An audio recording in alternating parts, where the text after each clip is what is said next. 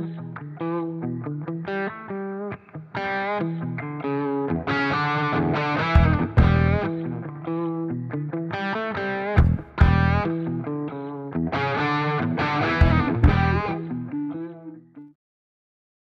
Witam, witam tutaj Karpiuterra i witam Was w kolejnym odcinku naszego podcastu. No i co? E, seria ta nie pojawiała się od dobrych kilku miesięcy. Powód jest bardzo prosty, bardzo prozaiczny. Po prostu nie miałem pomysłów na odcinek, który miałby właśnie sens do e, zrealizowania w formie podcastu. Teoretycznie przychodziły mi jakieś pomysły, ale ten podcast trwałby może 10 minut, a jednak jestem bardziej zwolennikiem, żeby TerraCast był takim formatem trochę dłuższym, powyżej 30 minut do godziny, więc to jest powód, dlaczego e, nie było tylu odcinków. To jest taki format, który mi się bardzo podoba, więc e, jeśli mielibyście jakiś pomysł na nowy film właśnie tego formatu, to chciałbym Was bardzo zachęcić do pisania w komentarzach, bo po prostu wtedy TerraCast będzie pojawiał się częściej. No ale co? Bez zbędnego przedłużania przechodzę już do tematu naszego odcinka, a mianowicie do y, owadów karmowych. Więc co słuchajcie, owady karmowe mają dosyć długą historię od czasów karaczana choćby szarego. Minęło już, no nie ukrywajmy, bardzo dużo czasu. W dzisiejszych czasach rynek karmówki w całości zdominowały już takie gatunki jak karaczany tureckie czy mączniki. Więc tego typu gatunków właśnie pokroju karaczana szarego już raczej nie spotykamy w takich hodowlach. Ale właściwie czym jest karmówka, słuchajcie? Jak możemy zdefiniować to słowo? Najprościej rzecz ujmując, karmówka są to rzeczy, którymi karmimy nasze zwierzęta. W przypadku mrówek są to takie rzeczy właśnie jak e, miód, ziarna, owady karmowe i tak naprawdę wiele innych. A w dzisiejszym epizodzie Terracastu porozmawiamy sobie o ostatnim z nich, czyli o owadach karmowych właśnie. No i dobrze, skoro o karmówce już sobie troszeczkę opowiedzieliśmy takich najprostszych dosłownie informacji, to e, słuchajcie, co nas czeka w tym odcinku i jak ten odcinek będzie wyglądał. Przedstawię Wam dzisiaj e, sześć gatunków z trzech najpopularniejszych rodzajów karmówki, mianowicie będą to larwy, karaczany oraz świerszcza. Każdy z tych sześciu gatunków będzie oceniany pod względem sześciu kategorii, a mianowicie – Trudności w hodowli, szybkości rozwoju, ceny utrzymania i czasu, jaki trzeba mu poświęcić, wad, zalet oraz składników odżywczych, jakie zawiera. W każdej kategorii do zdobycia są 4 punkty. Minimalnie w danej kategorii gatunek może otrzymać 1 punkt, natomiast maksymalnie sumując wszystkie może zdobyć gatunek tych punktów aż 24. No i co? Wszystkie gatunki opisane w tym filmie są tanie oraz łatwo dostępne. Myślałem, powiem Wam szczerze, jeszcze o dwóch kategoriach punktowanych, jakie mogłyby się znaleźć tutaj, a mianowicie o cenie kupna oraz wielkości, no ale w przypadku ceny kupna, tak jak wspominałem, wszystkie przedstawione tutaj gatunki są tanie, Natomiast w przypadku wielkości to zależy, słuchajcie, od wielkości naszej kolonii, od y, ilości jedzenia, które one spożywają, więc jest to kwestia indywidualna. Kończąc już ten wstęp, słuchajcie, na końcu odcinka znajdą się m.in. tabele z wynikami, z całą punktacją oraz e, wyniki ankiety przeprowadzonej na grupie na Facebooku Kolonia Matiego i chciałbym w ogóle bardzo podziękować za możliwość przeprowadzenia właśnie takiej ankiety ale o ankiecie będzie pod koniec filmu. No i jeszcze takie ostatnie słowa wstępu. E, wszystkie źródła, słuchajcie, do artykułów, którymi się inspirowałem, które pomogły mi w zrealizowaniu tego odcinka. E, linki do nich wszystkich znajdują się w opisie tego filmu. No i co? Myślę, że jesteśmy już po wstępie, więc przechodzimy do pierwszej grupy karmówki, którą przygotowałem na dzisiejszy epizod podcastu. A więc ogólnie o larwach. E, każdy z nas kojarzy E, takie zwierzęta jak mączniki czy drewnojady. Aktualnie są to jedne z najpopularniejszych gatunków karmówki dostępnych na rynku. Powiem Wam, że ja choćby przez dość długi czas właśnie karmiłem również moje kolonie mącznikami. Między innymi dlatego, że te dwa gatunki właśnie, czyli mączniki i drewnojady, powszechnie znane są z tego, że są ogólnie łatwe w utrzymaniu, tanie, szybko się mnożą, szybko rosną i generalnie rzecz biorąc nie są zbyt skomplikowane w hodowli. Na warsztat postanowiłem wziąć e, dwa wcześniej wspomniane gatunki, a mianowicie mącznika młynarka oraz drewnojady, więc bierzemy się za opis hodowli mączników. Z informacji ogólnych, nazwa łacińska Tenebrio molitor, nazwa polska mącznik młynarek. W przypadku wielkości yy, u larw podrośniętych waha się to yy, na około 3,5 cm, natomiast w przypadku dorosłych chrząszczy są to około 2 cm. Lecąc dalej, czyli do trudności w hodowli. Słuchajcie, pierwszy aspekt tej kategorii, czyli e, pojemnik, e, nie musi być on zakrywany, ponieważ no, dorosłe osobniki nie wspinają się po płaskich powierzchniach oraz e, nie latają. W przypadku larw, oczywiście, tymi swoimi małymi odnóżami również nie mają absolutnie jak wyjść z pojemnika.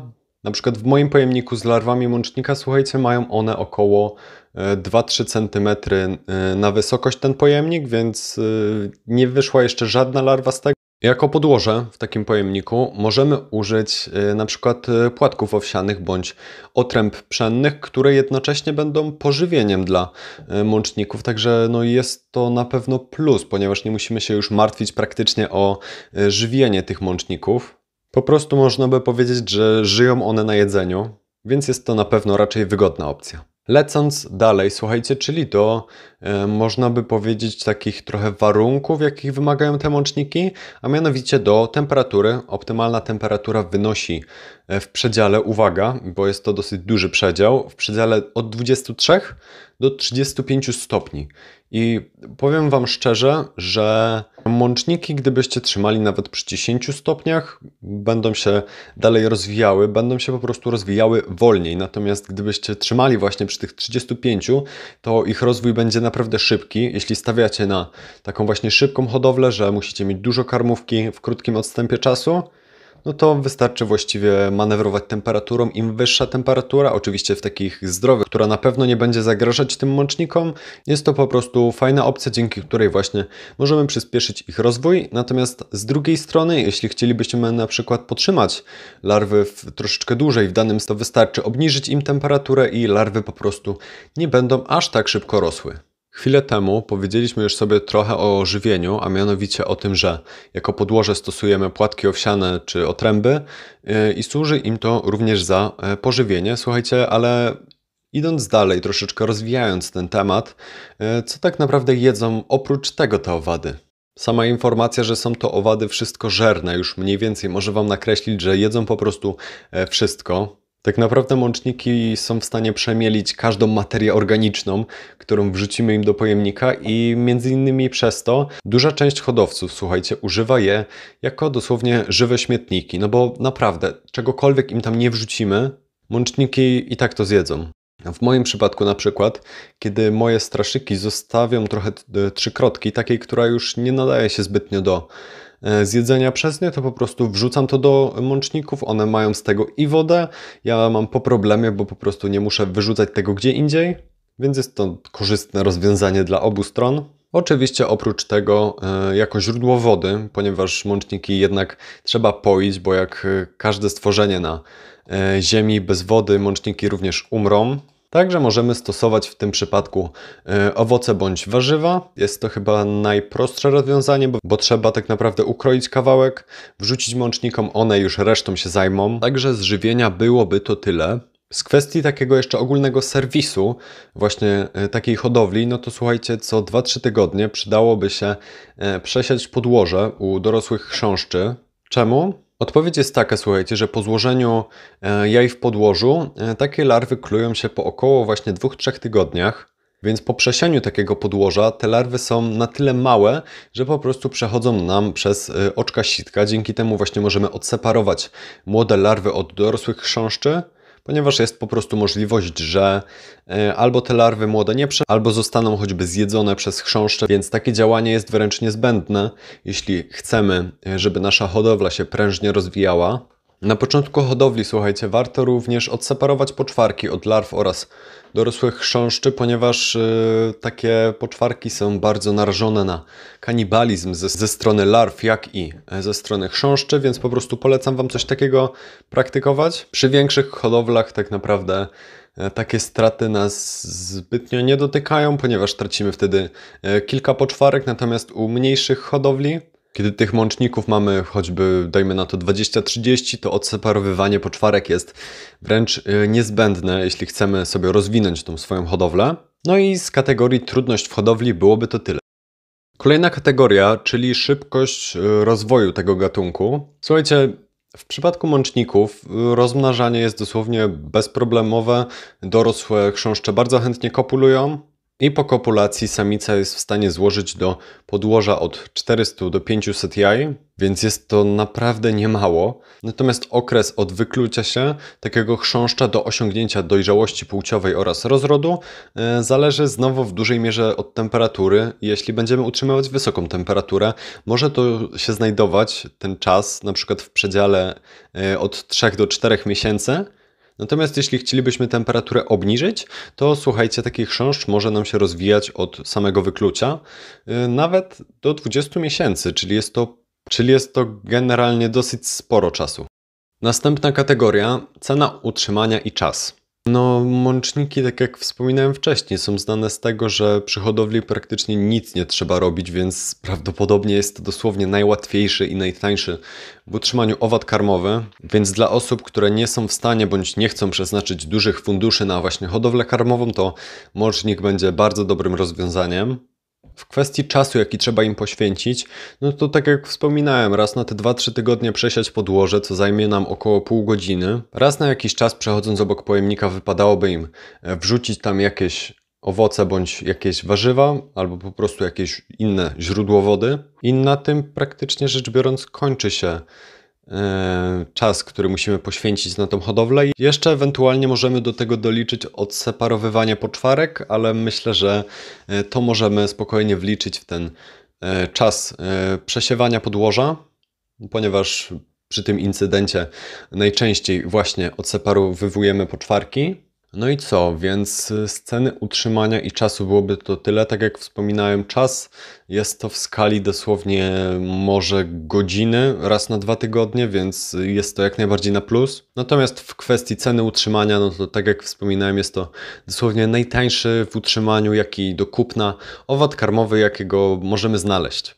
Przechodząc dalej, czyli do e, kategorii zalety. Niewątpliwą zaletą jest to, że możemy, słuchajcie, trzymać mączniki nawet w lodówce przy tych kilku stopniach, aby właśnie e, ograniczyć ich rozwój. Jeśli chcemy przetrzymać mączniki w danym stadium, no to jest to naprawdę wygodne rozwiązanie. Idąc dalej, mącznik jest karmówką wymagającą naprawdę minimalnej uwagi i czynności, które musimy przy niej wykonać.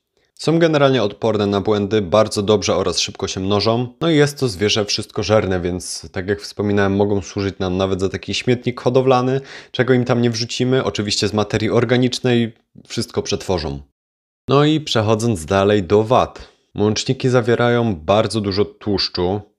Są uważane za jedną z najtłustszych e, karmówek, jakie są właśnie dostępne, więc to na pewno jest dużym minusem. Przepraszam, ale w kwestii żywienia jeszcze zapomniałem wspomnieć o tym, że e, mączniki należy suplementować pokarmem białkowym, czyli na przykład e, karmą dla psa bądź płatkami dla rybek, dlatego że bez tego charakteryzują się one całkiem sporym stopniem kanibalizmu.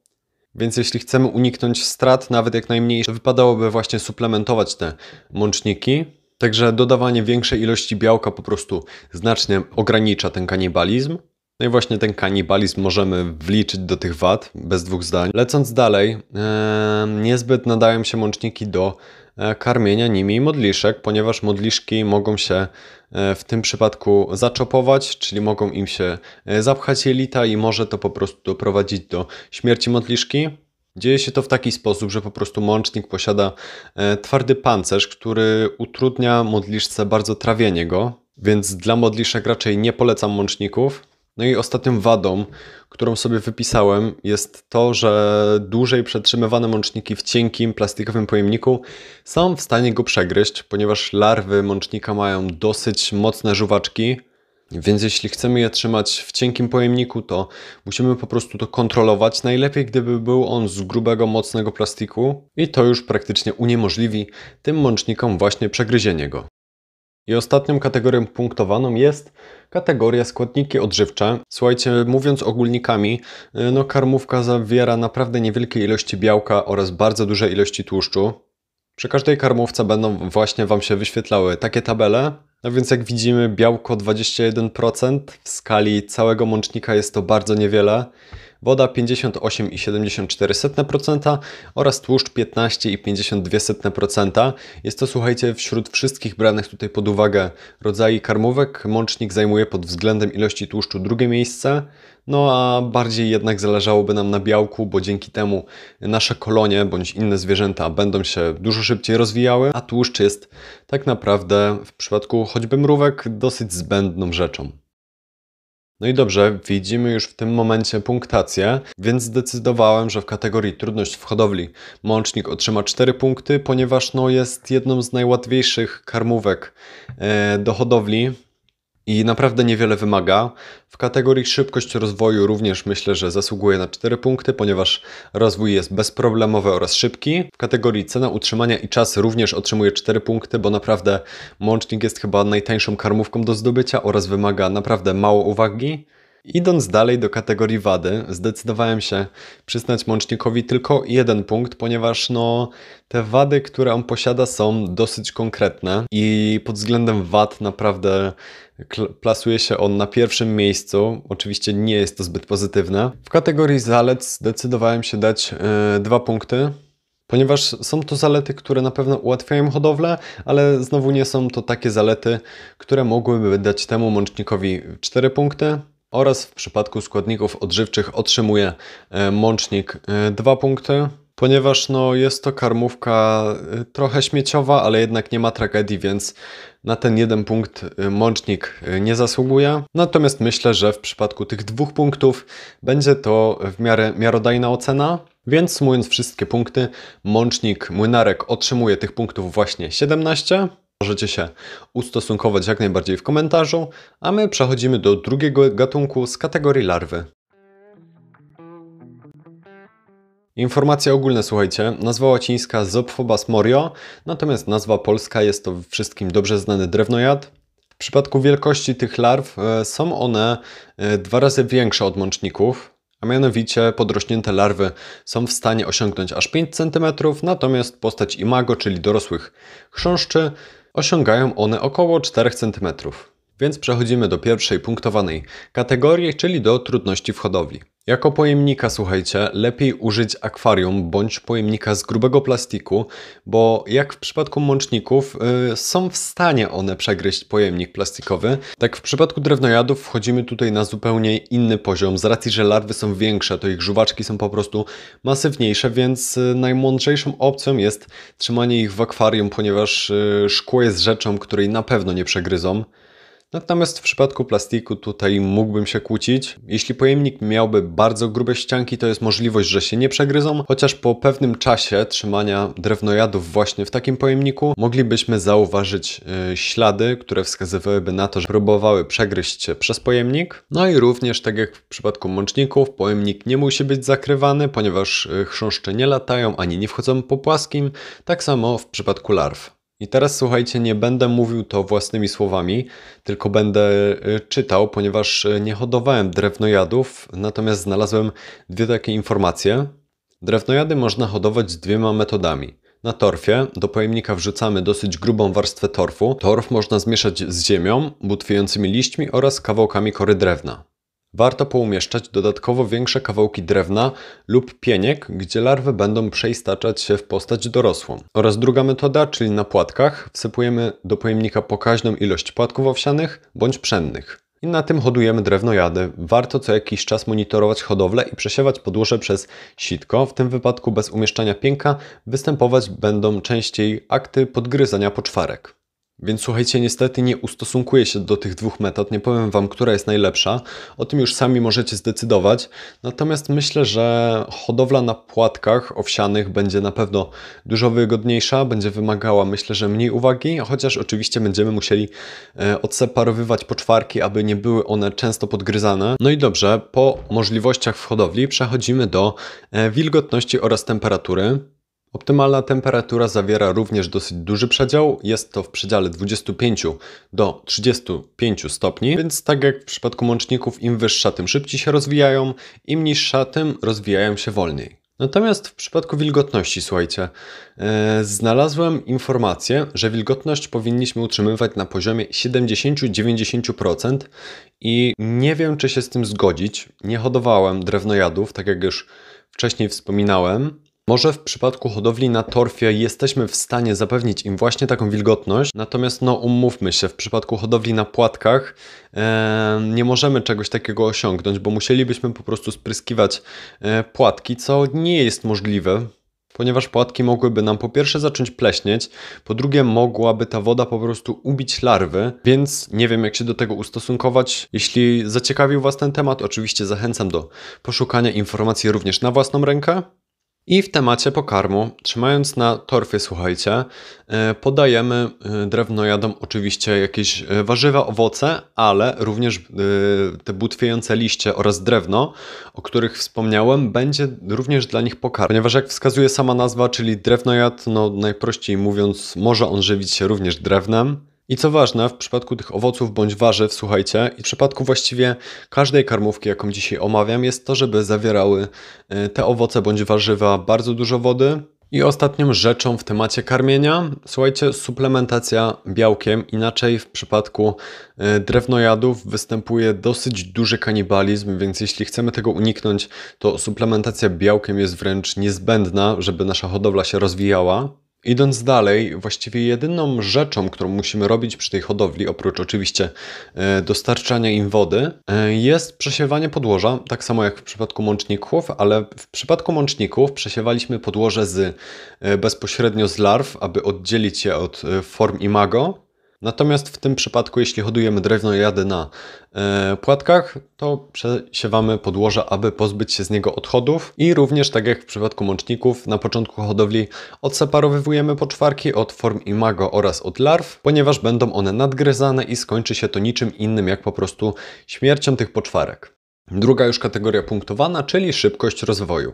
Przy spełnieniu optymalnych wymagań yy, mnożą się również drewnojady łatwo, szybko oraz chętnie.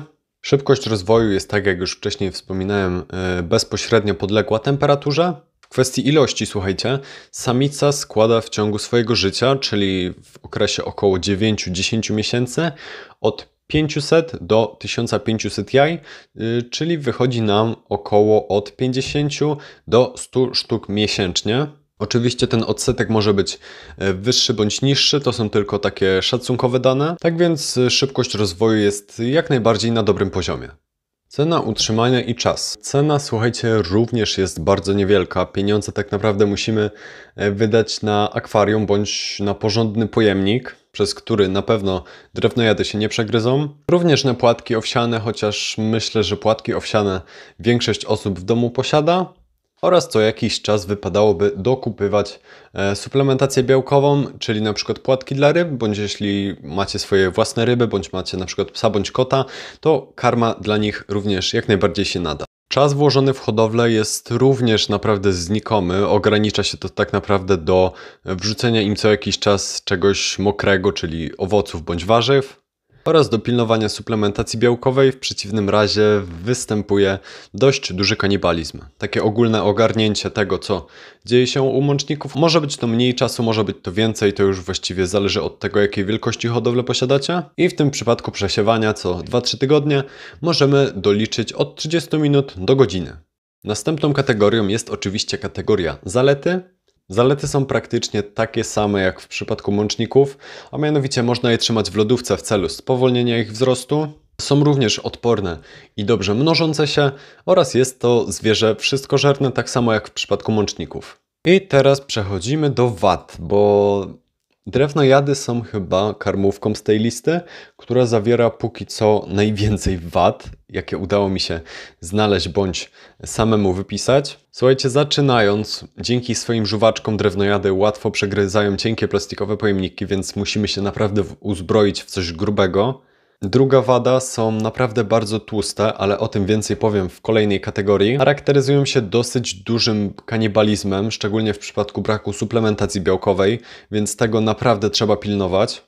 broniąc się, formy imago wydzielają no niezbyt dobrze pachnące substancje obronne oraz tak jak w przypadku mączników nie karmimy raczej nimi modliszek, ponieważ istnieje możliwość zaczopowania. Jak w przypadku mączników może coś takiego wystąpić, to w przypadku drewnojadów naprawdę jest to dużo bardziej prawdopodobne, ponieważ z racji, że są większe, to posiadają grubszą chitynę, więc tyle byłoby z wad, jakie posiada ten gatunek. I jesteśmy przy ostatniej kategorii punktowanej e, właśnie przy drewnojadach. No i znowu mówiąc ogólnikami, słuchajcie, karmówka zawiera bardzo małe, wręcz śladowe ilości białka oraz bardzo duże ilości tłuszczu.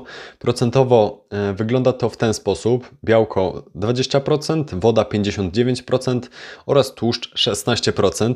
E, jak widzicie, tłuszcz jest zaznaczony na e, czerwono. Oznacza to tyle, że spośród tych sześciu gatunków drewnojad posiada właśnie tłuszczu najwięcej, aż 16%.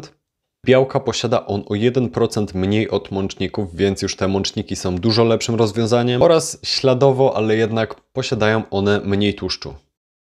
W temacie punktacji wygląda to następująco. W przypadku kategorii trudność w hodowli dałem tutaj e, 4 punkty, ponieważ no, również tak jak w przypadku mączników praktycznie nie różni się niczym ta ich hodowla. Wystarczy tylko bardziej pilnować e, suplementacji białkowej w przypadku szybkości rozwoju, słuchajcie, dałem tutaj 3 punkty, dlatego że po prostu mączniki rozwijają się trochę szybciej, więc stwierdziłem, że tak będzie sprawiedliwie, jeśli dostaną te drewnojady tutaj ten punkt mniej. Cena utrzymania i czas, tak jak w przypadku mączników, również 4 e, punkty, bo czas, jaki musimy poświęcić tej karmówce jest naprawdę znikomy, a cena jest również bardzo niewielka. W kwestii wad to myślę, że nikt tutaj się nie zdziwi, otrzymały one e, cały jeden punkt, no bo naprawdę ilość wad i skala tych wad jest naprawdę duża. W kwestii zalet, z racji, że są one bardzo podobne jak w przypadku mączników, właściwie niczym się nie różnią, również otrzymały tutaj e, drewnojady dwa punkty. No i w przypadku składników odżywczych drewnojad otrzymał również jeden punkt, ponieważ e, zawiera bardzo mało białka, o 1% mniej niż u mączników oraz posiada 16 aż procent tłuszczu, czyli o o ile dobrze pamiętam, 0,5% więcej aniżeli w przypadku mączników, więc myślę, że jest to e, jak najbardziej sprawiedliwa ocena i sumując wszystkie punkty, wychodzi nam tych punktów 15. No i co, kończąc temat larw, słuchajcie. E, larwy są dla osób, które chcą na pewno zacząć swoją przygodę właśnie z hodowlą karmówki, które chcą się mniej więcej nauczyć obchodzenia z karmówką, są one na pewno również dla osób, które potrzebują dużej ilości karmówki w dosyć krótkim odstępie czasu, więc w tym przypadku jak najbardziej się nadadzą. W przypadku składników odżywczych mogę się tutaj kłócić, ponieważ mączniki, jak i drewnojady zajmują kolejno e, przedostatnie oraz ostatnie e, miejsce w tabeli, ponieważ posiadają naprawdę mało białka, na którym tak naprawdę nam zależy, oraz największe ilości tłuszczu. No i co? Myślę, że y, tyle byłoby to z kategorii larwy. Więc przechodzimy troszeczkę do, według mnie, ciekawszej karmówki, troszeczkę może więcej wymagającej, ale równie ciekawej, czyli do karaczanów. Ogólnie o karaczanach. Myślę, że wszyscy terroryści bądź większość potrafi wymienić co najmniej kilka gatunków karaczanów z głowy, dajmy na to karaczany tureckie, madagaskarskie czy argentyńskie, sam ten fakt już może świadczyć o tym, jak popularna e, jest to karmówka.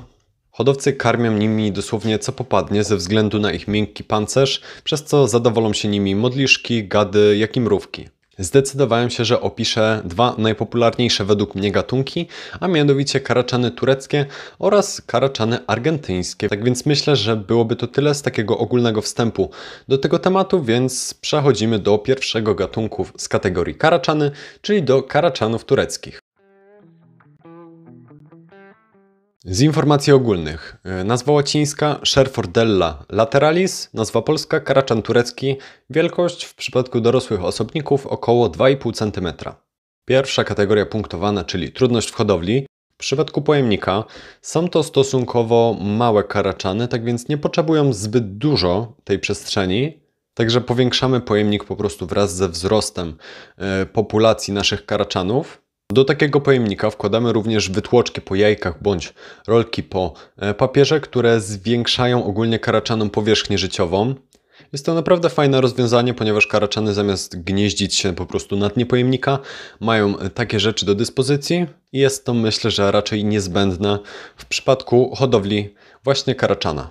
Temacie warunków, czyli temperatury oraz wilgotności, e, temperatura słuchajcie 25-30 stopni. E, w tej temperaturze występuje generalnie najszybszy rozwój, ale można również e, trzymać karaczany w temperaturze pokojowej. Nic im się jak najbardziej nie stanie, ale po prostu ich rozwój będzie przebiegał trochę wolniej, ale o tym pewnie już wiecie. Oraz wilgotność. Wilgotność optymalna to około 60-70%, czyli tak na dobrą sprawę może być to również wilgotność pokojowa. Przypadku, słuchajcie, moich doświadczeń z hodowlą karaczanów, ponieważ e, rozmnażam właśnie karaczany tureckie, to w przypadku dorosłych osobników, które trzymałem stricte do rozrodu, zauważyłem, że w momencie, kiedy spryskałem im wytłoczki, e, samice chętniej e, składały jaja, więc e, myślę, że jest to również dobre rozwiązanie, ponieważ na pewno podwyższa ono wilgotność i można by rzec, że zachęca samice do składania jaj właśnie w tych wytłoczkach. W temacie jedzenia chętnie jedzą owoce yy, oraz warzywa, raczej nie są wybredne w tym przypadku. W celu oczywiście przyspieszenia rozwoju karaczanom należy podawać białko w postaci np. płatków dla ryb bądź karmy dla psa. Oraz można podawać również rzeczy mączne, czyli np. mielone płatki owsiane, otręby yy, itd. Tak w moim przypadku stosuję mieszankę właśnie yy, mielonych płatków owsianych oraz mielonych otręb. Chociaż powiem Wam szczerze, że kiedy ostatnio robiłem im taką mieszankę, mieliłem, to zabrakło mi otręb, więc zrobiłem z samych płatków owsianych i mam wrażenie, że jedzą to moje karaczany y, szybciej i chętnie, ale to wynika tylko z moich obserwacji, mogą być one po prostu błędne, ale jest to całkiem ciekawa i myślę, że w miarę przydatna informacja. Przed chwilą powiedziałem również, że białko należy podawać karaczanom w celu przyspieszenia rozwoju i nie wspomniałem nic o kanibalizmie. Nie jest to, ponieważ kanibalizm wśród karaczanów tureckich jest naprawdę na bardzo niskim poziomie, a jest wręcz zerowy jeśli mają one oczywiście dostęp do pokarmu, ponieważ jeśli będziemy e, dawać im właśnie ten pokarm mączny, czyli na przykład mielone płatki owsiane oraz będziemy co jakiś czas wrzucać tam jakiś owoc bądź jakieś warzywo, to kanibalizm będzie dosłownie na zerowym poziomie i w tym przypadku białko możemy podawać e, tylko po to, żeby nasze karaczany szybciej się rozwijały. Ja na przykład ostatnio odstawiłem już moim karaczanom pokarm białkowy, ponieważ rozwijały się trochę za szybko i właśnie w ten sposób mogę łatwo ten rozwój przyhamować. Lecąc dalej, czyli z szybkością rozwoju, e, słuchajcie, e, karaczany nie składają, tak jak w przypadku mączników, pojedyncze jaja, tylko składają ooteki.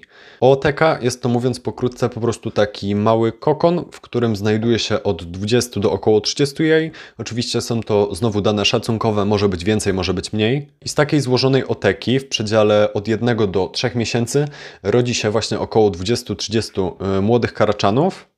I z moich obserwacji, jak i z tego, co wyczytałem w internecie, e, wynika, że samica składa kilka do kilkunastu ootek miesięcznie, co daje nam około 150 do 300 sztuk wylęgu na daną samicę w skali miesiąca. W kwestii takiej, w czym przetrzymywać ooteki, to jest tu troszeczkę bardziej skomplikowana kwestia, aniżeli w przypadku larw, ponieważ takie ooteki mają dużo większą szansę na rozwój i na to, że wyjdą nam z niej faktycznie karaczany, jeśli inkubujemy je.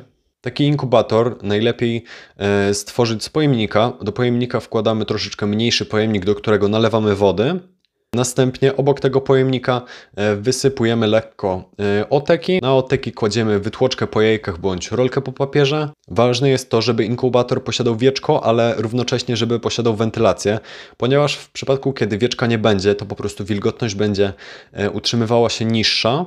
Natomiast w przypadku, jeśli damy wieczko, ale nie zrobimy wentylacji, jest możliwość, że nasze ooteki nam zapleśnieją. I w przypadku, kiedy dogrzewamy taki inkubator, ponieważ e, jest wymagane, jeśli chcemy, żeby nasza hodowla rozwijała się szybciej, e, nigdy nie dajemy maty grzewczej bądź kabla grzewczego przy samym pojemniczku z wodą. Najlepiej, najlepiej ustawić ogrzewanie obok ootek, ponieważ kiedy dalibyśmy takie grzanie właśnie przy tym e, pojemniku, woda parowałaby dużo szybciej i jest możliwość, że zalałaby e, wszystkie nasze oteki, co mogłoby skończyć się dla nich, no ujmując to krótko, nie najlepiej. I w temacie jeszcze szybkości rozwoju, e, karaczany, słuchajcie, mnożą się chętniej przy większym zagęszczeniu. Y, o co chodzi? Chodzi o to, że na przykład jeśli y, wrzucimy 20, 30, 40 karaczanów y, bądź więcej do danego pojemnika i damy im tam bardzo dużo kryjówek, to będą nam one składały mniej ootek.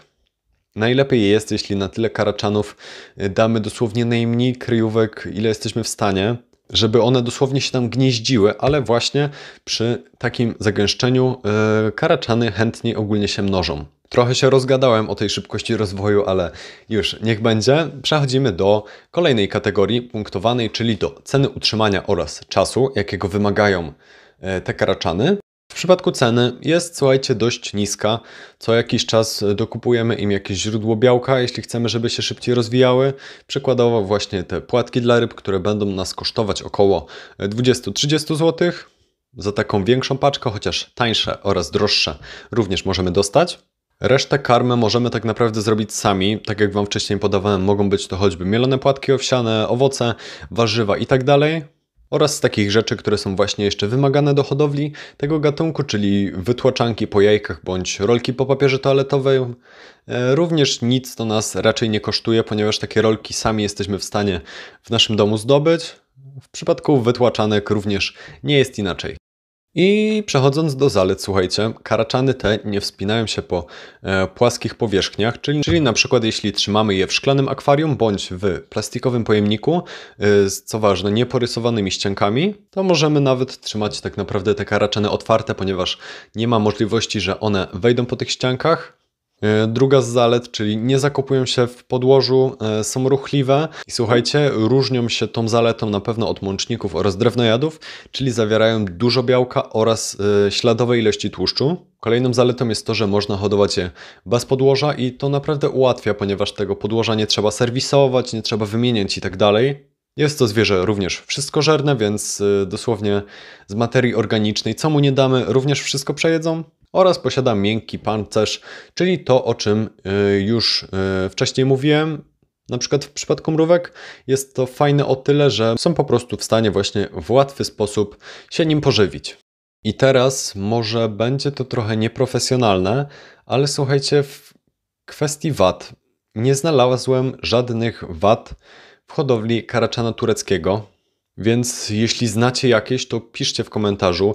E, jeśli będzie dużo tego typu komentarzy, to takie komentarze oczywiście zaserduszkuję oraz e, najciekawszy, który najwięcej właśnie wytłumaczę w tym temacie, e, przypnę, bo szczerze Wam powiem, że po moim dosyć długim researchu do tego epizodu nie znalazłem właśnie żadnych wad w hodowli tego karaczana, chociaż może być to troszeczkę subiektywna opinia z mojej strony, z racji, że no, hoduję te karaczany, jestem raczej zwolennikiem tych karaczanów, bo szczerze nie wierzę trochę, że nie mają wad te karaczany, ale oczywiście jeśli znacie jakieś, to jak najbardziej zachęcam do pisania w komentarzach. I przechodzimy do ostatniej kategorii punktowanej, czyli do składników odżywczych. Słuchajcie, karaczany te posiadają najwięcej białka spośród wszystkich branych pod uwagę gatunków karmówki w tym filmie oraz zawierają najmniej tłuszczu. Tak więc jak widzicie, karaczany zawierają 36,5% e, białka, 63,63% wody oraz 5,21% tłuszczu. Jest to naprawdę, słuchajcie, mały odsetek i jak widzicie, e, tłuszcz zaznaczony przy tych karaczanach jest również na inny kolor. Kolor ten oznacza tyle, że pod względem wszystkich branych e, pod uwagę w tym filmie gatunków karmówki, zawiera on najmniej właśnie tłuszczu, i w przypadku białka, z racji, że procenty są wypisane kolorem e, czerwonym, czyli oznacza to w skrócie tyle, że zawierają te karaczany białka najwięcej spośród branych pod uwagę w tym filmie. No i co? Punktacja myślę, że Was nie zdziwi. E, w aspekcie trudność w hodowli otrzymują te karaczany 4, ponieważ e, jest to naprawdę mega łatwy w utrzymaniu gatunek i wymaga bardzo niewiele. W przypadku szybkości rozwoju również otrzymuje ten gatunek 4, e, no bo jednak słuchajcie, 150 do 300 sztuk wylęgu e, miesięcznie to jest według mnie bardzo dużo, jest to bardzo dobry wynik. W kategorii cena utrzymania i czas otrzymuje ten gatunek 3 punkty, jak w kwestii ceny utrzymania samej mógłbym dać yy, z czystym sercem 4 punkty. Tak, słuchajcie, w przypadku tego czasu e, troszeczkę nam tą punktację tutaj załamuje, ponieważ jednak choćby przy e, przekładaniu otek do inkubatora trzeba trochę czasu poświęcić, ale i tak jest to całkiem wysoka nota. W przypadku wad gatunek również otrzymuje 4 punkty, ponieważ e, nie znalazłem wad żadnych w tym przypadku. Oraz w przypadku zalet otrzymuje ten gatunek również 4 punkty, ponieważ e, są to według mnie zalety dosyć znaczące, które sporo zmieniają w naszej hodowli. Oraz w przypadku składników odżywczych również chyba nikt się nie zdziwi, że otrzymują te karaczany punktów również 4, ponieważ po pierwsze zawierają e, najwięcej białka ze wszystkich branych tutaj pod uwagę, a po drugie posiadają najmniej tłuszczu, więc jest to według mnie ocena jak najbardziej sprawiedliwa i tym sposobem karaczan turecki otrzymuje 23 na 24 możliwe do zdobycia punkty. Więc jest to bardzo dużo punktów, punktu. Więc skoro skończyliśmy omawianie właśnie karaczanów tureckich, myślę, że przechodzimy do drugiego reprezentanta karaczanów w dzisiejszym epizodzie podcastu. Z informacji ogólnych nazwa łacińska Blaptica dubia Natomiast nazwa polska karaczan argentyński, chociaż większość hodowców będzie znała ten gatunek pod y, troszeczkę bardziej potoczną nazwą, a mianowicie dubie. W przypadku wielkości u dorosłych osobników oscyluje ona w granicach 4-5 cm. Pierwsza kategoria, czyli trudność w hodowli. Słuchajcie, terrarium, tak samo jak w przypadku karaczanów tureckich, nie wymaga pokrywy, ponieważ dubie nie wspinają się e, po płaskich powierzchniach, jak i nie latają. Także jest to jak najbardziej plus tego gatunku. Jest to pewna wygoda w tej hodowli, ponieważ nie musimy się obawiać tym, że e, dubie po prostu wespną się po tym pojemniku i na przykład wyjdą nam z niego, bądź będą utrudniać nam jakieś prace, które będziemy w nim przeprowadzać. Terrarium, tak jak w przypadku karaczanów tureckich, powinny znaleźć się wytłoczki bądź rolki po papierze w celu zwiększenia się powierzchni życiowej właśnie tego gatunku. Z takich ogólnych warunków, słuchajcie, preferują one ciemność, jednak oczywiście można zachować dobowy cykl oświetlenia, chociaż lepiej te karaczany na pewno będą czuły się w lekkim zacienieniu bądź w całkowitej ciemności. W przypadku temperatury jest to taka sama jak e, w w przypadku e, karaczanów tureckich, a mianowicie 25-30 stopni, chociaż oczywiście pokojowa e, również będzie odpowiednia. Tak samo w przypadku wilgotności, również wilgotność pokojowa będzie idealna dla tego gatunku. Jest to zwierzę również wszystkożerne, chociaż oczywiście musimy im zapewnić takie podstawowe rzeczy, czyli źródło wody w postaci choćby owoców czy warzyw oraz suplementację białkową, czyli na przykład płatki dla ryb bądź e, karma dla psa. Oraz ten pokarm, jak ja to nazywam, mączny, czyli choćby mielone płatki owsiane, również nadadzą się dla nich idealnie. I teraz taka ciekawostka. Eee, Bloptika dubia należy do długowiecznych owadów, ponieważ no, dorosłe osobniki e, mogą żyć nawet dwa lata, więc w przypadku karmówki i ogólnie owadów jest to bardzo wysoki wynik. Także nie musimy się obawiać tym, że e, w krótkim odstępie czasu padną nam te karaczany po prostu naturalnie ze starości.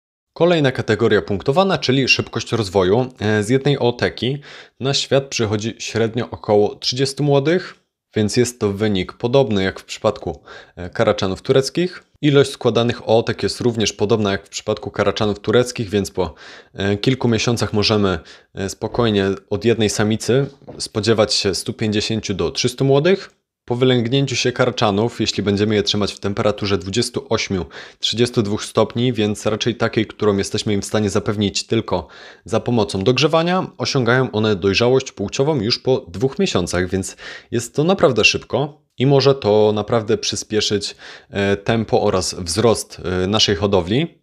Kolejna kategoria, czyli cena utrzymania i czas. E, cena, słuchajcie, dość niska, tak jak w przypadku karczanów tureckich. Co jakiś czas trzeba im po prostu dokupić jakieś źródło białka. E, resztę karmy możemy również sobie zrobić sami, czyli te choćby mielone płatki owsiane, owoce i warzywa. W przypadku wytłaczanek również nic za to nie płacimy.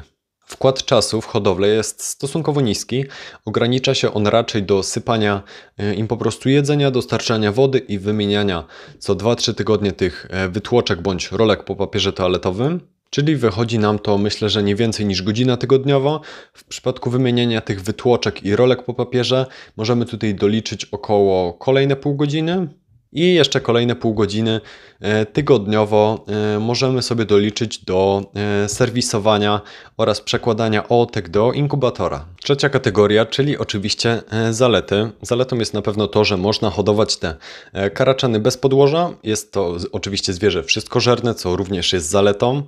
Mnoży się dość dobrze, ma małe wymagania i może go, myślę, według mnie hodować nawet niedoświadczony hodowca karmówki. Są dosyć odporne na e, choćby przesuszanie, dużą wilgotność, pleśń oraz inne tego typu czynniki. Występuje również minimalny kanibalizm, nie wspina się po szybach oraz nie lata oraz tak jak w przypadku karaczanów tureckich posiada miękki pancerz, co jest niewątpliwą zaletą. W przypadku wad, słuchajcie, e, wadą taką dosyć konkretną według mnie jest wydzielanie substancji obronnych, e, ogólnie niezbyt ładnie pachnących i e, alergizujących, więc to jest na pewno rzecz, która nie jest zbyt przyjemna przy hodowli tego gatunku. Oraz wspominałem wcześniej, że płodność tego gatunku jest na poziomie karaczana tureckiego.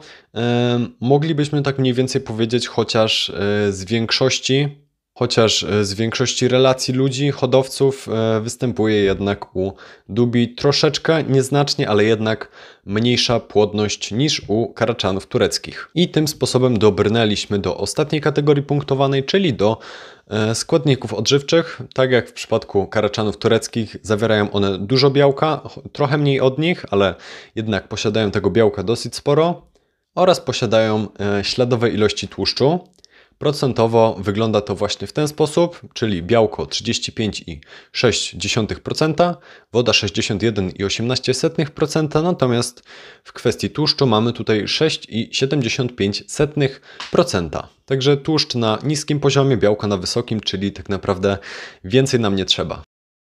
A więc punktacja, zagadnienie pierwsze, czyli trudność w hodowli, otrzymuje tutaj według mnie 4 e, punkty na 4, ponieważ jest to gatunek ogólnie raczej łatwy w hodowli. W przypadku szybkości rozwoju myślę, że mogę tutaj dać 3 punkty, ponieważ jest ona troszeczkę niższa od tego karaczana tureckiego, ale jednak e, w większej perspektywie może to mieć znaczenie. W kwestii ceny utrzymania i e, czasu cena również niewielka, natomiast czasu trzeba troszeczkę poświęcić, innymi na e, serwis inkubatora.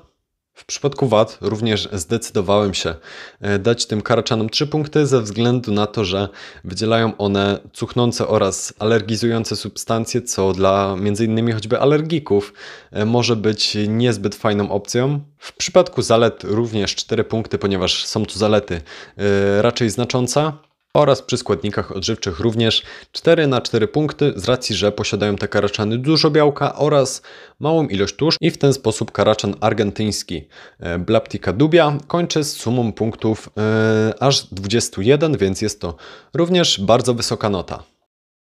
Podsumowując, karaczany są karmówką bardzo fajną w hodowli, przyjemną, mówię to również e, z własnego doświadczenia, jak i z relacji innych osób. W przypadku składników odżywczych mocno deklasują konkurencję, ponieważ no ilość białka, a ilość tłuszczu e, w przypadku właśnie tych dwóch gatunków jest e, bardzo znacząca. Nie wymagają za dużo, chociaż jednak przy tych inkubatorach e, trochę trzeba posiedzieć, ale myślę, że nie jest to aż tak uciążliwa rzecz są bardzo płodne oraz chyba taka najważniejsza informacja w przypadku hodowli tych dwóch gatunków, nie wspinają się one po płaskich powierzchniach, co jest naprawdę niewątpliwym plusem hodowli właśnie karaczanów. Więc myślę, że o tym rodzaju karmówki byłoby to tyle. Więc ogólnie o świerszczach jest to karmówka popularna głównie e, według mnie w przypadku modliszek i pająków w tych dwóch kategoriach, można by powiedzieć, zwierząt terrorystycznych jest według mnie używana najczęściej. Świerszcze mają tyle zwolenników, jak i e, przeciwników. Na pewno znane są e, ze swoich słabszych stron, czyli m.in. ze swojej e, podliwości oraz oczywiście wydawania charakterystycznych dla nich dźwięków. Opiszemy sobie dwa najpopularniejsze e, gatunki świerszcze, a mianowicie świerszcze bananowe oraz świerszcze kubańskie. Więc myślę, że ze wstępu do tematu byłoby to tyle. Bierzemy się za świerszcze kubańskie. Informacja ogólne. Nazwa łacińska Gryllus assimilis. Nazwa polska świerszcz kubański. Wielkość w przypadku dorosłych osobników do 3 cm. Więc pierwsza kategoria, czyli trudność w hodowli. I słuchajcie, w kwestii trudności w hodowli, w tym zagadnieniu, E, to w przypadku właśnie świerszczy mam rozpisane o nich najwięcej, więc bierzemy się za to. Terrarium na świerszcze, słuchajcie, powinno być raczej dość wysokie i zaopatrzone w wentylację z gęstą siatką, aby uniemożliwić ucieczkę właśnie e, tym e, świerszczom, ale jednak w siatkę pozwalającą na w miarę dobrą wentylację.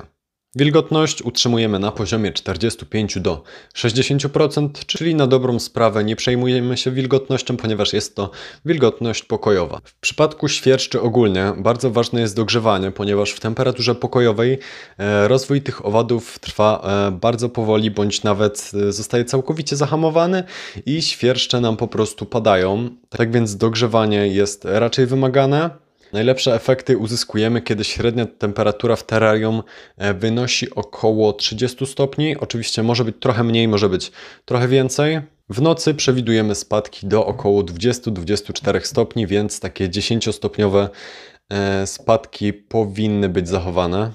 W terrarium, tak jak w przypadku karaczanów, muszą znajdować się wytłoczki bądź rolki po papierze toaletowym, a w przypadku żywienia to oczywiście, słuchajcie, e, podajemy tym świerszczom jako źródło wody choćby owoce czy warzywa. Oprócz tego możemy na przykład e, podać im miseczkę z wodą i zanurzoną e, w niej choćby gąbkę bądź watę, aby świerszcze nam się zwyczajnie rzecz biorąc nie utopiły w tej wodzie. W przypadku, kiedy mamy świeży wylęk bądź małe świerszcze, dużo lepszą metodą niż właśnie taki wacik z wodą jest spryskiwanie wytłoczek bądź rolek po papierze e, raz do dwóch razy dziennie za pomocą spryskiwacza. To spokojnie im wystarczy i dostarczy im potrzebnej wody.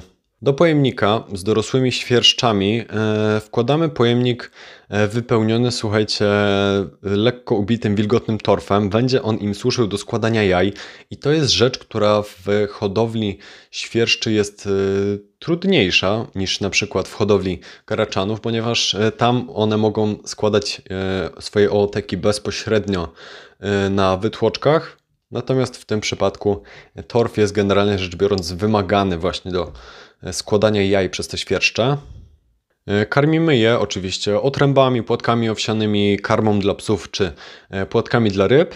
I to, co już wspominałem wcześniej, aby zaspokoić ich zapotrzebowanie na wodę, podajemy e, różnego rodzaju warzywa, owoce bądź po prostu wacik z wodą.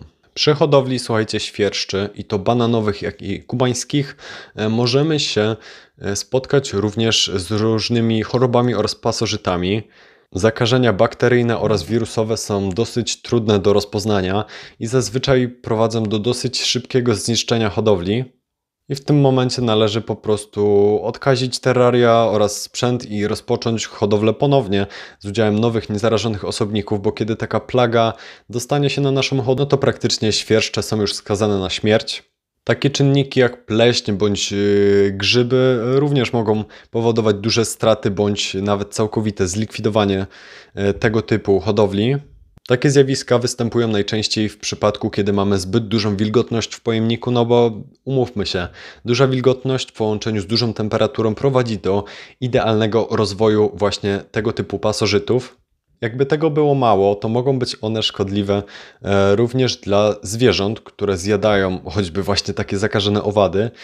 I w przypadku, kiedy na takiej hodowli pojawią się e, roztocza, w dużych ilościach oczywiście są no, zagrożeniem dla naszej hodowli i nie są zbyt dobre, natomiast w niewielkiej ilości nie stanowią one problemu. Możemy je przysłowiowo mówiąc po prostu olać. Jak temu zapobiec, spytacie? E, są dwa czynniki, które e, w głównej mierze powodują tego typu właśnie niechciane plagi, a mianowicie zbyt duża wilgotność, o której już mówiłem, oraz resztki pokarmowe w terrarium. Więc w przypadku wilgotności możemy to unormować po prostu dużą wentylacją w pojemniku, natomiast w przypadku resztek pokarmowych wystarczy po prostu regularnie je zbierać, regularnie sprzątać w pojemniku. Dzięki tego typu zabiegom bardzo ograniczymy bądź wręcz uniemożliwimy e, tego typu pasożytom rozwój w pojemniku naszych świerszczy.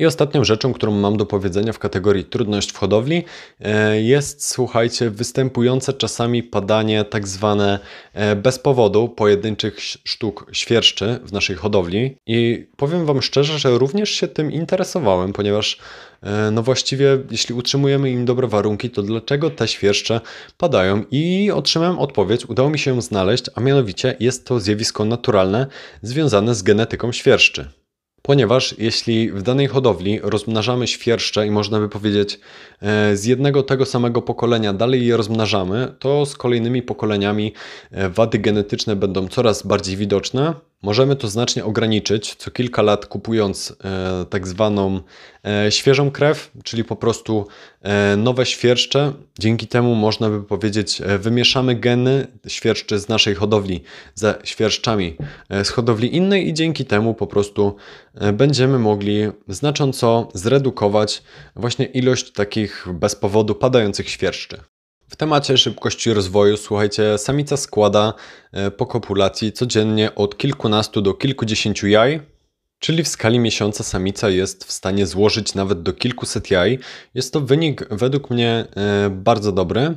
W kwestii ceny utrzymania oraz czasu, jaki musimy e, poświęcić tej karmówce, no to na pewno do ceny utrzymania możemy wliczyć jedzenie, takie jak płatki owsiane, otręby czy płatki dla ryb, Wytłoczki, wiadomo, możemy sami zdobyć za darmo. I teraz przechodząc do kwestii czasu, słuchajcie, czasu trzeba poświęcić yy, świerszczom naprawdę dosyć sporo. W skali tych sześciu gatunków, które Wam tu opisuję, yy, jest to zdecydowanie najwięcej. Wliczamy do tego choćby dokładne sprzątanie w pojemniku, yy, wymienianie jedzenia, inkubowanie jaj i tego typu rzeczy. Dodatkowy czas należy sobie również odłożyć m.in. na walkę z roztoczami czy innymi plagami, które skutecznie mogą e, zakończyć naszą przygodę z hodowlą świerszczy.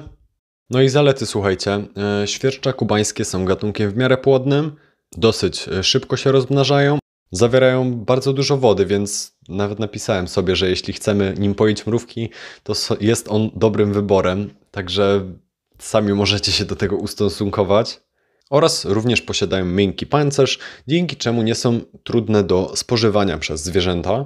Przechodząc do wad, świerszcze kubańskie e, wydają, można by powiedzieć, takie skrzypiące dźwięki i mówię Wam to z własnego doświadczenia, że dosłownie e, nie dało się przebywać obok nich. Są to bardzo irytujące dźwięki, ale to zależy, czy ktoś lubi. Mi osobiście się one nie podobały. Lecąc dalej, zjada on rośliny w terrariach, więc gdy chcemy karmić jakieś zwierzę w taki sposób, że po prostu wrzucamy mu świerszcze do terrarium i mamy tam na przykład żywe rośliny, to jest duże prawdopodobieństwo, że te rośliny będą tylko na chwilę. Kolejną wadą jest częsta padliwość tych świerszczy. Wymagają one dogrzewania oraz zawierają stosunkowo mało białka. I a propos białka, przechodzimy do składników odżywczych. Ogólnikami dużo wody, bardzo mało białka i nie najgorszy odsetek tłuszczu. Procentowo wygląda to w ten sposób: białko 16,4%, woda 68,8%, natomiast tłuszcz 9,3%. Białka, słuchajcie, posiadają one praktycznie o 4% mniej od drewnojadów, więc to dużo o nich świadczy. Wody posiadają naprawdę bardzo duży odsetek. Oraz w przypadku odsetku tłuszczu nie jest to najgorzej, chociaż oczywiście mogło być y, zdecydowanie lepiej. I w kwestii punktacji. Zagadnienie pierwsze, czyli trudność w hodowli, otrzymują według mnie jeden punkt. Jest to gatunek y, jeden z trudniejszych do y, hodowli karmowych. Jest on zdecydowanie padliwy, trzeba mu zapewnić dogrzewanie, więc jest to ogólnie e, w miarę problematyczna rzecz. W kwestii szybkości rozwoju zdecydowałem się dać świerszczom kubańskim aż 4 punkty, ponieważ jeśli zapewnilibyśmy im idealne warunki do rozwoju, to naprawdę rozwój byłby bardzo szybki. Cena utrzymania i czas. Cena oczywiście niska, ale jednak czasochłonna jest to karmówka bardzo. Musimy dużo czasu na nią poświęcić, na serwisowanie jej, ogarnianie itd. Tak Więc z tego powodu między innymi w tej kategorii świerszcze kubańskie otrzymują jeden punkt. W kwestii wad, słuchajcie, są to wady w miarę znaczące, ale w porównaniu do wad na przykład drewnojadów uznałem, że zasługują świerszcze kubańskie na dwa punkty w tej kategorii. W kwestii zalet y, stwierdziłem, słuchajcie, że nie są to zbyt znaczące zalety, no ale jednak są, więc otrzymują w tej kategorii dwa punkty. Natomiast w przypadku składników odżywczych, e, z racji, że posiadają bardzo mało białka, ale znowu nie najgorszy odsetek tłuszczu i dużą ilość wody, zdecydowałem się też, że w tej kategorii otrzymają one punkty 2. Także świerszcze kubańskie kończą e, z wynikiem 12 punktów. A my przechodzimy do ostatniego reprezentanta świerszczy, jak i do ostatniego gatunku w dzisiejszym odcinku. Informacje ogólne. Nazwa łacińska Gryllus sigillatus. Nazwa polska świerszcz bananowy. Wielkość w przypadku dorosłych osobników do 2,5 cm. Ten gatunek jest pierwszym przypadkiem, w którym nie napisałem absolutnie nic w trzech kategoriach, a mianowicie trudność w hodowli, szybkość rozwoju oraz cena utrzymania i czas.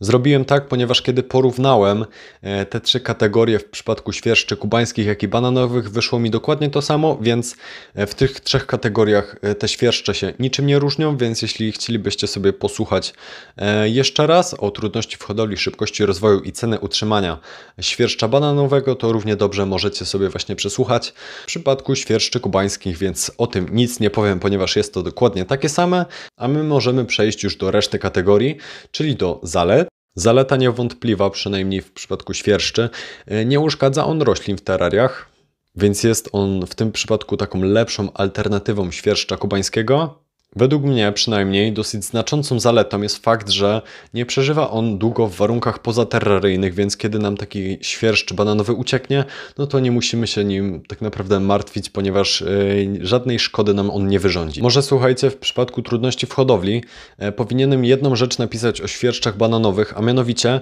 jest on dużo bardziej płodny niż inne świerszcze oraz dużo bardziej odporny na brak pożywienia i wody, więc nie jest on aż tak przewrażliwiony na tym punkcie jak świerszcz kubański.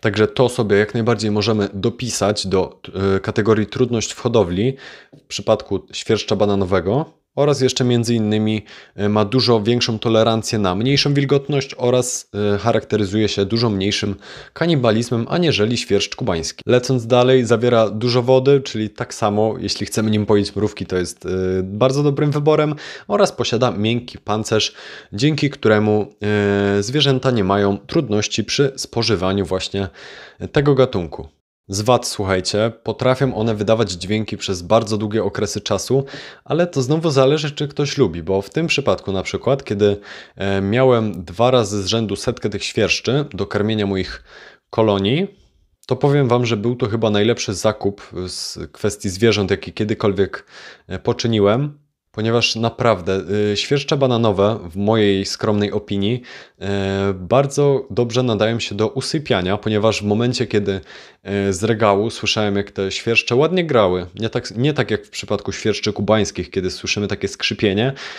tylko po prostu te świerszcze mi ładnie grały i przyjemnie mi się generalnie rzecz biorąc przy nich zasypiało ale to jest kwestia indywidualna, więc bezpieczniej postanowiłem dać to do kategorii wady. Kolejnym wadem jest to, że no w przypadku świerszczy e, odznacza się teoretycznie ten świerszcz e, większą tolerancją na e, warunki, ale jednak wciąż jest to padliwa karmówka oraz zawiera ponownie bardzo małe ilości białka. I przechodząc do ostatniej kategorii punktowanej, czyli do składników odżywczych, słuchajcie. Procentowo wygląda to w ten oto sposób. W przypadku białka 16,5%, w przypadku wody 71,8% oraz w przypadku tłuszczu 6,3%. E, Słuchajcie, w kwestii białka jest to całkiem zadowalająca ilość, nieznacznie większa niż w przypadku świerszczy kubańskich. W kwestii wody, jak widać, jest ona zaznaczona na czerwono, czyli posiada ta karmówka najwięcej wody e, w sobie spośród wszystkich branych pod uwagę w dzisiejszym filmie. I w kwestii tłuszczu jest to naprawdę niewielka ilość, e, dokładnie o 3% mniejsza aniżeli w przypadku świerszczy kubańskich, więc jest to jak najbardziej na plus. Punktacja prezentuje się w ten oto sposób. W kategorii trudność w hodowli otrzymuje ten gatunek dwa punkty, ponieważ no, nie jest najłatwiejszym do hodowania, ale z drugiej strony jest dużo bardziej odporny na zmiany e, warunków niż e, świerszcz kubański.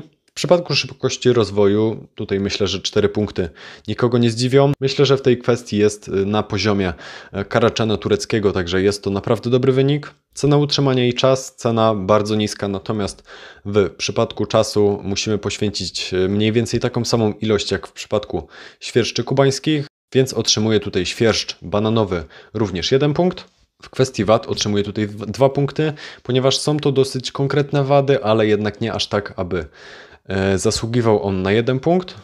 W temacie zalet otrzymuje e, ten gatunek 3 e, punkty, ponieważ no, między innymi nie uszkadza roślin w terrariach, nie przeżywa długo poza terrarium oraz jest dużo bardziej odporny na zmiany warunków niż inne świerszcze.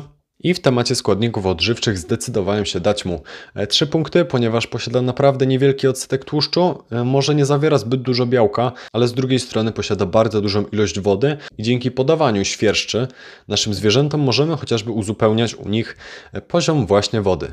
I tym sposobem ostatni gatunek w naszym dzisiejszym epizodzie Terracastu kończy z sumą punktów 15. Podsumowując świerszcze, słuchajcie, jest to rodzaj karmówki, który jest na pewno bardzo wymagający i czasochłonny pod względem hodowli, ale oczywiście jesteśmy w stanie dojść do perfekcji z rozmnażaniem tego gatunku.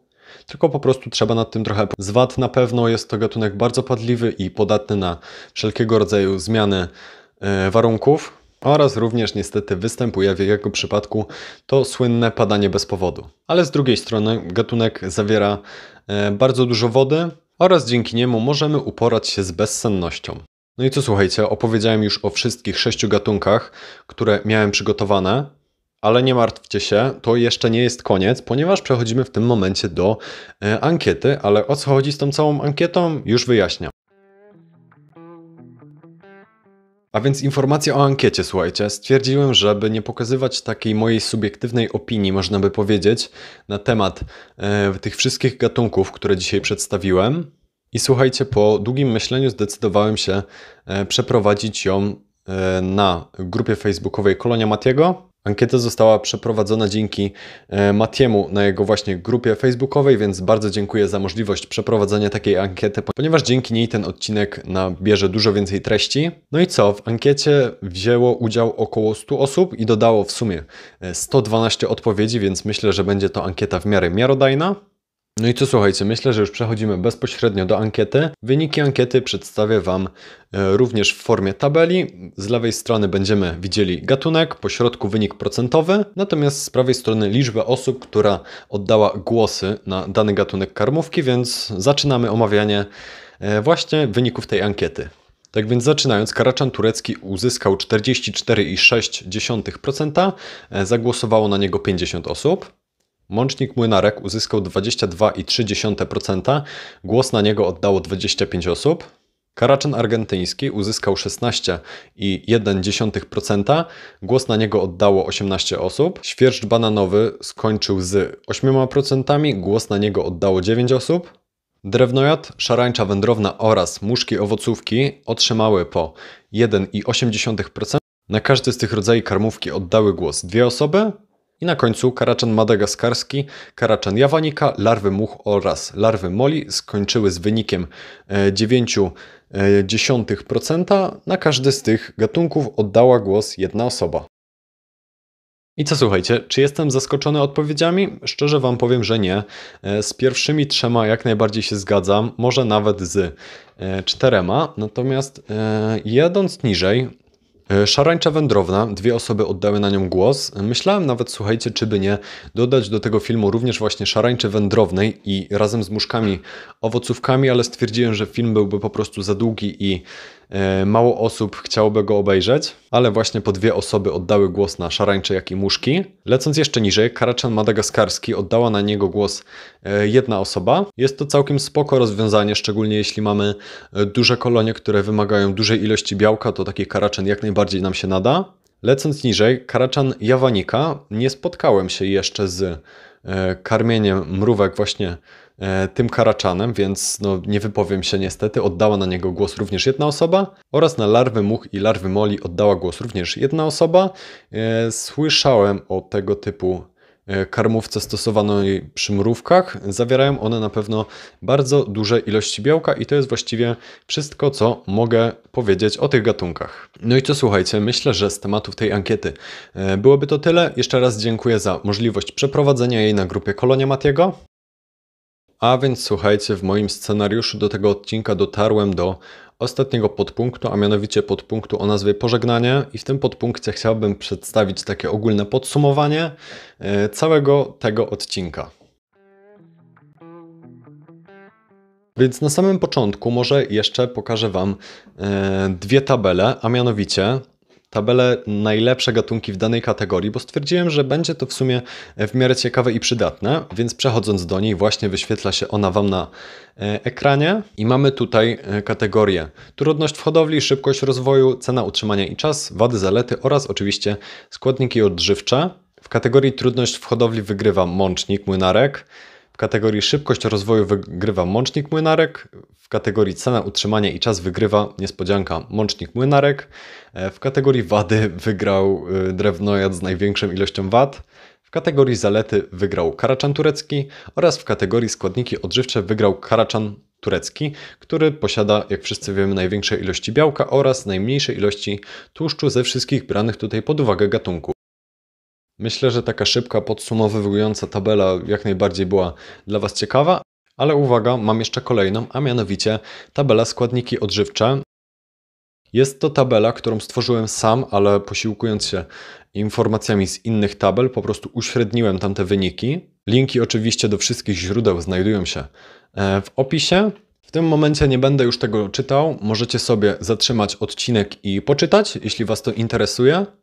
Mamy tutaj od lewej e, gatunek, dalej mamy ilość białka, wody oraz tłuszczu, jaką zawiera dany gatunek. Na czerwono oczywiście mamy zaznaczone e, wyniki największe w danej kategorii, natomiast na niebiesko mamy zaznaczone wyniki najmniej. A więc słuchajcie, podsumowanie odcinka. Mam nadzieję, że jak największej ilości osób on w pewien sposób pomógł oraz, że się spodobał, a dla osób, które wiedziały o tym wszystkim, mam nadzieję, że po prostu miło się tego słuchało.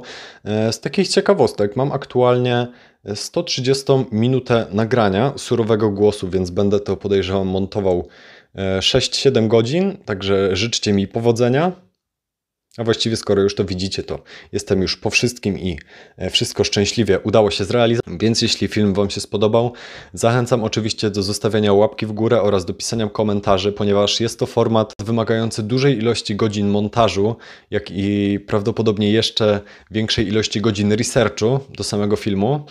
No i co, jeśli mielibyście jakiś na przykład pomysł, odcinek Terracastu, który mógłbym zrealizować, może krótszy, może dłuższy, piszcie jak najbardziej w komentarzach, ponieważ słuchajcie, bardzo mi się spodobała forma podcastów. Po ostatnich czterech odcinkach Terracastu, takich typowo dla początkujących, myślę, że e, wkręciłem się w to już na dobre i będzie to format, który będzie się pojawiał co jakiś czas na tym kanale, chociaż oczywiście na częstotliwość tego macie bezpośrednio wpływ wy, bo jeśli będzie duży feedback pod odcinkami tego podcastu i jeśli będzie dużo pomysłów, to będą pojawiały się zdecydowanie częściej niż co kilka miesięcy.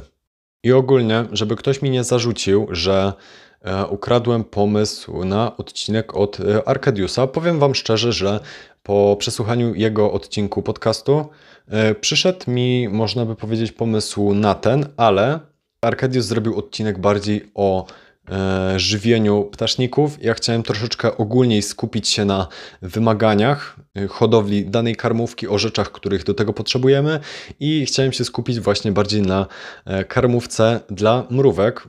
Więc jest to karmówka bardziej dla mrówek i jest to taki ogólny opis hodowli tej karmówki, chociaż oczywiście link do podcastu Arkadiusa, którym się również inspirowałem, znajdzie się w opisie. Tak samo jak cała reszta źródeł, czyli na przykład artykułów, tabel z E, wartościami odżywczymi danej karmówki. No i co słuchajcie, mam nadzieję, że miło Wam się tego słuchało. Ja mam ponad e, dwie godziny mojego gadania do e, zmontowania. No i co, widzimy się w kolejnym odcinku z serii TerraCast. Trzymajcie się, cześć!